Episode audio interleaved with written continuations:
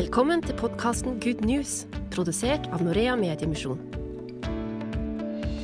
Vi ønsker både å utfordre, inspirere og utruste deg som lytter, til å være et kristent vitne i møte med våre nye landsmenn.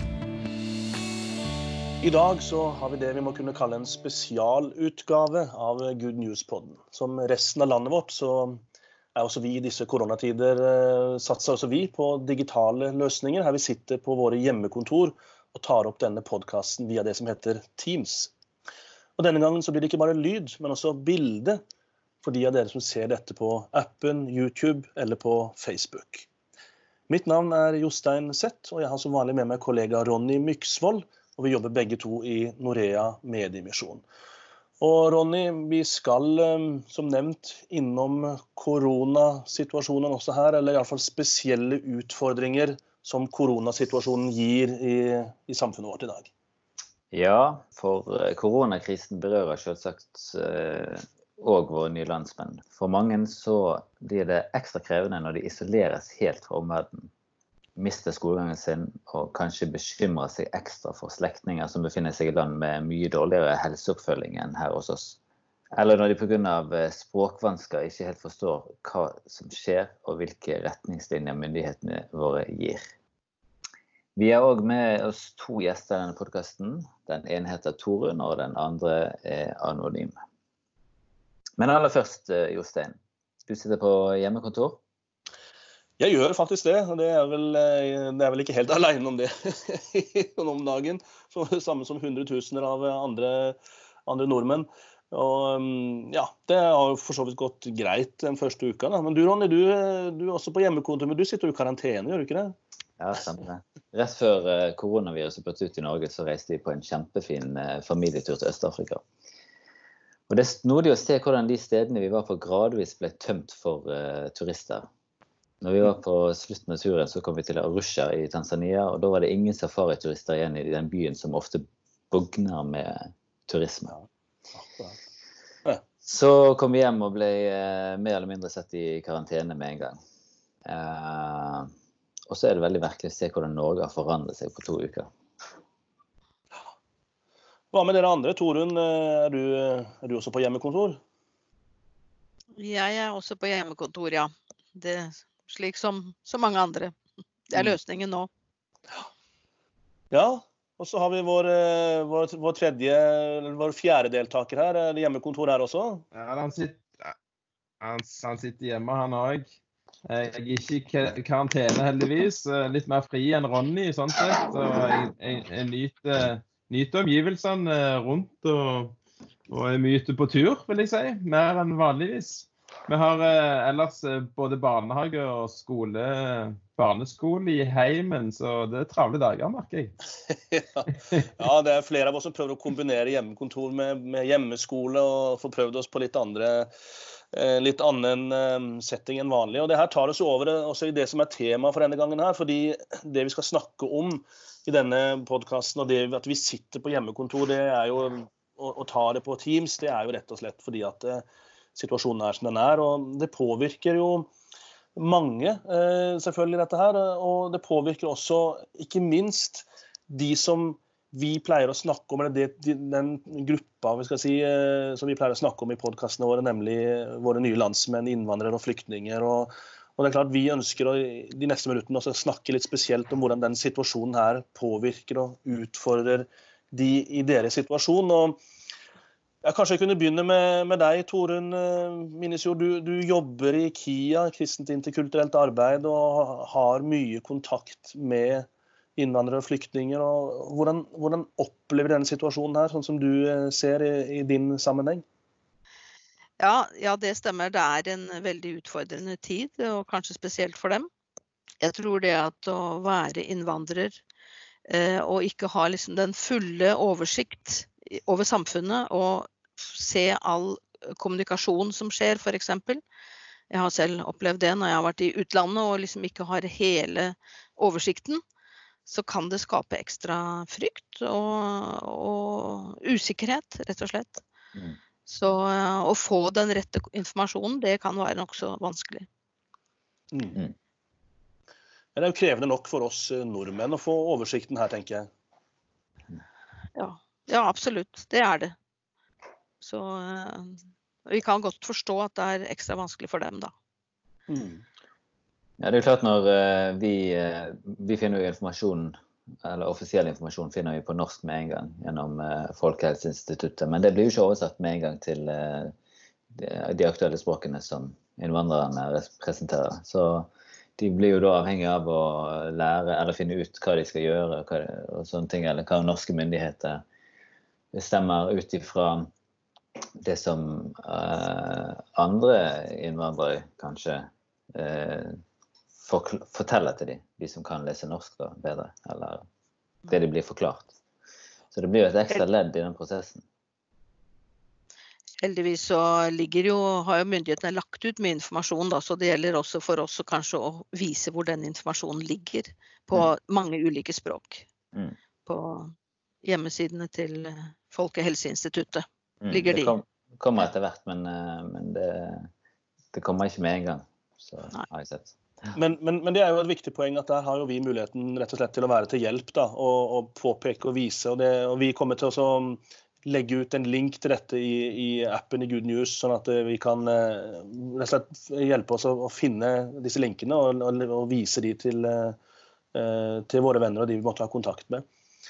Eh, Men vi har kanskje hatt litt kontakt og har litt kontakter. Kunne dere ha delt litt om hva, hva folk sier i denne situasjonen? her? Har dere noen konkrete, mm, konkrete historier eller konkrete mennesker som, eh, som dere har snakka med i det siste rundt denne situasjonen? Jeg kan skyte inn fra, fra sidelinja her da, at eh, jeg har opplevd eh, litt ulike responser. Og, og det er jo sånn som vi òg opplever det sikkert ulikt. Og vi tar dette på forskjellige, på forskjellige måter. Og, og noen blir mer urolig enn andre. Og det tror jeg er litt eh, Iallfall de som jeg har hatt kontakt med, litt, litt det samme der. Noen opplever at det, det kan være greit, eh, og de opplever det trygt å, sitte inne og, og prate med folk og sånt. Og, eh, og har fått litt informasjon. Men, mens andre opplever jeg at det er usikre. De sitter hjemme og, og vet ikke hva som foregår. Har de lov å gå ut? Hva er, eh, hva er reglene, og hvordan skal en forholde seg til ting? Så, så det er nok mye av de samme følelsene de kjenner på der, da. Ja, For noen så kan det nok eh, være den frykten og usikkerheten, særlig hvis man har noen i familien som er litt utsatt. Jeg vet- jeg var akkurat i, har vært i kontakt med ei dame som har barn som har astma. Mm. Uh, og da kan man bli ekstra engstelig når man både har ansvar for barn og, og, og de er, er utsatt. Så kan, man Mm. være, kan det skape frykt. Nå tenker jeg jo det at eh, Mange av flyktningene de har jo på en måte skal jeg si, de har flykta fra en, en synlig fiende. Her plutselig opp, opp- oppstår en usynlig fiende, og så får vi beskjed om å holde oss innendørs, om å passe oss her og der, og så vet man liksom ikke helt hva det er. Det, og det også tenker jeg må være litt sånn spesielt, da, altså, fordi mange av de får sikkert opp gamle traumer og gamle opplevelser fra, fra tidligere tider. Hva tenker dere om det? Ja, absolutt. Det, det kan veldig fort skje i sånne tider hvor det er eh, akutte situasjoner slik som nå, på en måte. Så, og jeg tror vi må også være klare over det og henvise f.eks. til profesjonelle hjelpere i, i noen tilfeller. Det, vi må vite litt om hvem vi kan henvise til, og, og det må vi også gjøre. Og det har jeg, det har jeg faktisk gjort allerede i dette her. Altså. Det, det er viktig. Det er jo litt interessant eh, situasjonen som vi befinner oss i nå. Setter oss jo på en måte i samme båt som eh, flyktninger og innvandrere. Eh, I hvert fall mange. Og det er jo noe som rammer oss alle. De som har erfart dette her før, kommer til Norge, og så vil de, kanskje kjenner de at noen av de samme følelsene eller den samme frykten kommer tilbake. Og du må holde deg innendørs. Og, eh, og så erfarer vi det samme. sant? Eh, vi er på en måte litt i, litt i samme båt. Så kan føle på de samme følelsene som kanskje eh, flyktninger har følt på tidligere. Mm. Men så er det også, tenker jeg, på den andre sida så kan du si at eh, nettopp det at de har vært vant til en synlig fiende, eller altså krigshandlinger, mens her er jo her er jo alt er jo på en måte som det, som det pleier å være ute. Det er ingenting som tyder på Det er jo ikke noen krigssituasjon. Det Mm. betyr vel også at det kanskje kan være vanskelig å ta dette på alvor. Sånn som myndighetene våre er så tydelige på at vi må gjøre, så blir det kanskje så er det vanskeligere for de å ta det på alvor enn det er for oss. Hva tenker du om det? Ja, det tror jeg absolutt at det kan være. Eh, og på en måte at eh, her livet på en måte må gå sin gang, og det med å besøke hverandre f.eks.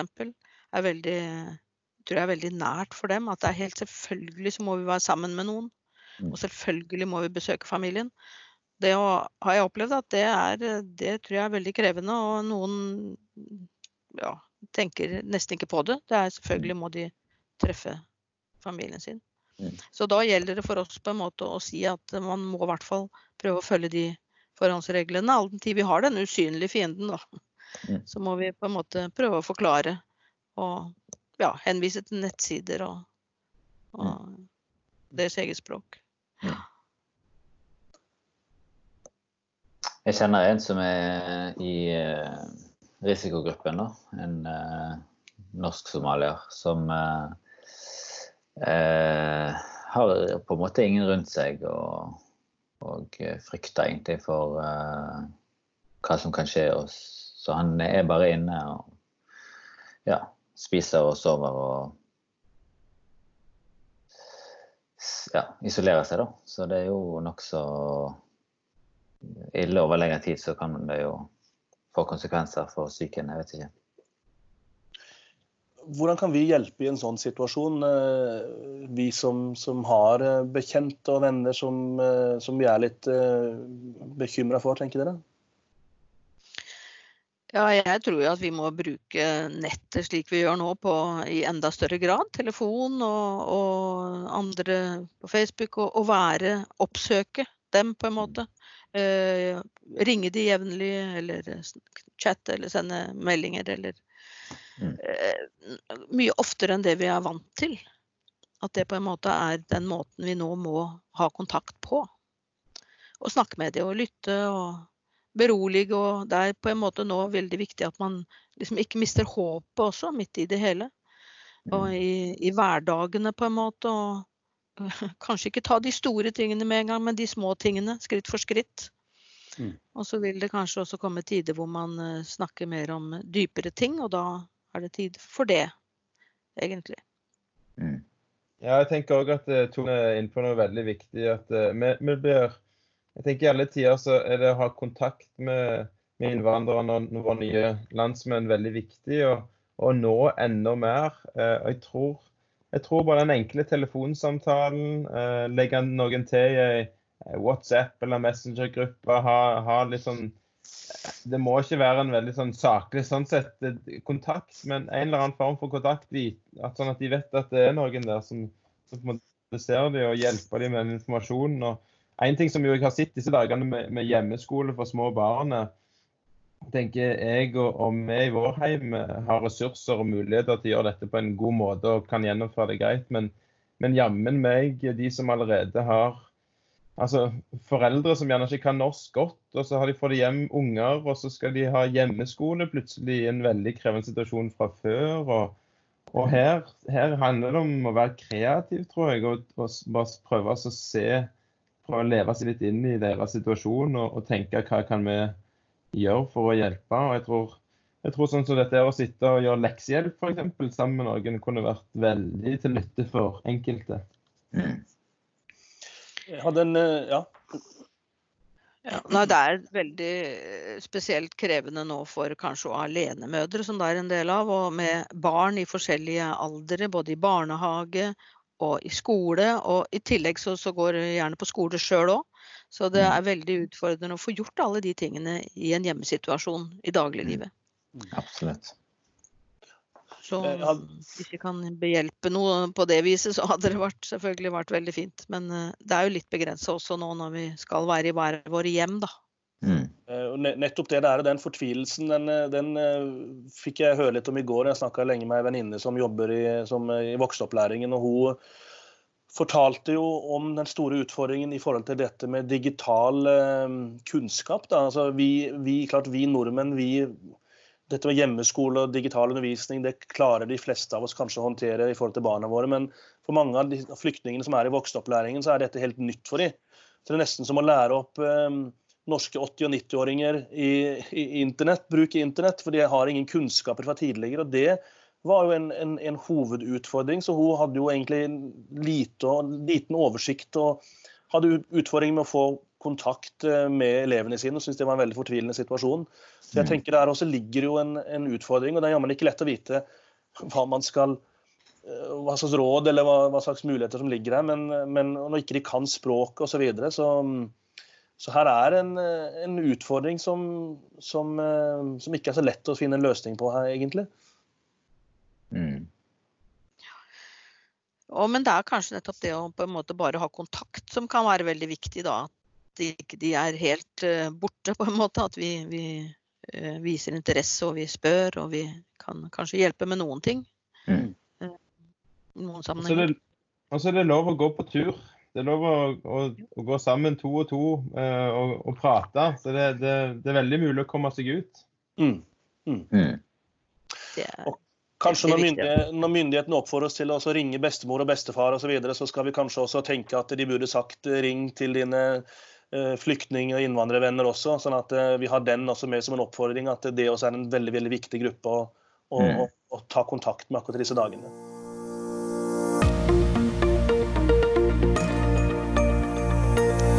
Du lytter til podkasten Good News fra Norea Mediemisjon. Ja, Du lytter til Good News-podden fra Norea, og i dag så har vi en spesiell utgave der vi snakker konkret om hvordan koronasituasjonen berører flyktninger og innvandrere i Norge. Og vi har vært inne på noen eh, praktiske eh, utfordringer som vi har sett, og dette er nok en situasjon som skaper naturlig nok mye frykt. Eh, ja, hos oss alle, egentlig, men kanskje enda mer hos de som er i et fremmed land og som ikke skjønner språket osv. Vi har vel kanskje vært litt inne på det, men eh, hvordan bør vi møte denne frykten som eh, mange kjenner på, tenker dere?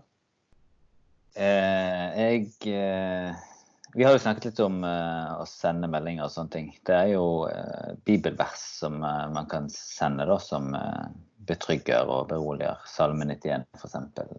Eh, som eh, jeg tror de fleste ville sette pris på å få, selv om de er muslimer, eh, eller hva de skulle være. Så er det jo vers som eh, taler til det indre i oss. Så jeg mener man, kunne, man kan sende på SMS eller på eller Man kan ringe og dele et vers eller noe. Kanskje det kan være med å redusere frykten hos noen for noe å eh, klamre seg til. Mm. Um, og, det å på en måte være tilgjengelig også når måte, frykten tar, uh, tror jeg kan være, uh, være bra også. Være kanskje til alle døgnets tider. Jeg hadde selv en samtale midt på natta for noen dager siden. Mm. Uh, en times tid hvor det var ei som var veldig engstelig og følte behov for å snakke med noen. Og da fikk vi også Og barna sov, og det var en kristen dame. Um, og vi fikk be sammen, og vi fikk på en måte legge det over hos Gud. Jeg tror at uh, i mange situasjoner så kan vi også få be for mennesker. Mm. Um, det har vi muligheten til, å få legge, legge hverandre fram for Gud. Mm. Og også for muslimer så kan vi gjøre det om de ønsker. Enten om vi mm. ber for de etterpå, eller om vi ber i en, en telefonsamtale. Det har jeg gjort flere ganger. Mm. Mm. mm. Jeg tenker jo det at i, i, tider som dette så ser man nok også eh, at veldig mange søker til Gud og søker til kirka. og det er klart Da har jo vi som kristne en ekstra både ansvar og mulighet til å, til å møte de, og, og Dere nevner muslimer her. og sånt, at det, og det, det, tenker jeg er naturlig at vi, vi også der kan være mer, mer frimodige kanskje enn en, en, en vi som nordmenn ofte er. Mm. Jeg tror det er et veldig eh, hett tema blant mange muslimer eh, også dette her, og hvilken gudsdimensjon Guds dimensjon på en måte inni det òg. Jeg hørte ei som sa at nå muslimene sier at dette er, dette er dommedag som nærmer seg, liksom. Så det er uh, så det er klart at, eh, og Her kan vi da få bringe også noe om eh, det håpet vi har. Vi kan fortelle om det håpet vi har. Den mm. fulle og faste det, det håpet vi har på en frelser som Mm. frir oss eh, på nåden, i Jesus egentlig. Mm. Og at vi ikke behøver å være usikre når den dagen skulle komme. Mm. Det er jo eh, nå vi kan eh, vise at det, det er vi kristne som er kirken. på en måte. Det er ikke en bygning eller eh, Og i en tid der eh, folk søker kirken, så er det vi som må være tilgjengelige. Mm. Det Og da, er òg en tid der mange kjenner på frykt for det som ligger foran, eh, framtida. Det er mange som opplever at eh, eh, en mister jobben kanskje, og en kjenner på en usikkerhet på, på det som kommer, og hvor en er hen, og familien. Og, og dette med at en har en ukjent framtid, men, en- men en kjent Gud har, har liksom blitt viktig for meg å, å dvele med og, være litt i det. At vi, vi tror på en Gud som er kjent, og som er med oss inni alle disse krisene. Og det, den tryggheten som vi har, tenker jeg er virkelig noe som har mulighet til å vise. Og med, både med ord og handling i en sånn situasjon. Mm. Så har, har vi jo den appen vår da, som, vi er, som vi jobber med, og som dette prosjektet er en del av, som heter Good News. Og, um, og Der har vi jo kristne ressurser både på farsi og arabisk og somali. og jeg tenker jo at I en sånn situasjon som den vi er i nå, så er jo det er jo midt inn i hva skal vi si for noe, en situasjon hvor denne appen kan komme til nytte. Hvor vi kan tipse de vi har av venner og kontakter eh, som er innvandrere og flyktninger som snakker disse tre språkene. Eh, hvor det er masse ressurser både på kristen undervisning, på musikk, og, ja, hvor eh, mange kunne kanskje ja, få muligheten til å lytte, lytte til Guds ord i den situasjonen her. Så det er jo det er litt viktig for oss også å, være med og løfte fram her at eh, søk opp denne Good News-appen. Good News Media heter den, og den fins både på eh, Android-telefoner og på eh, iPhone. Mm.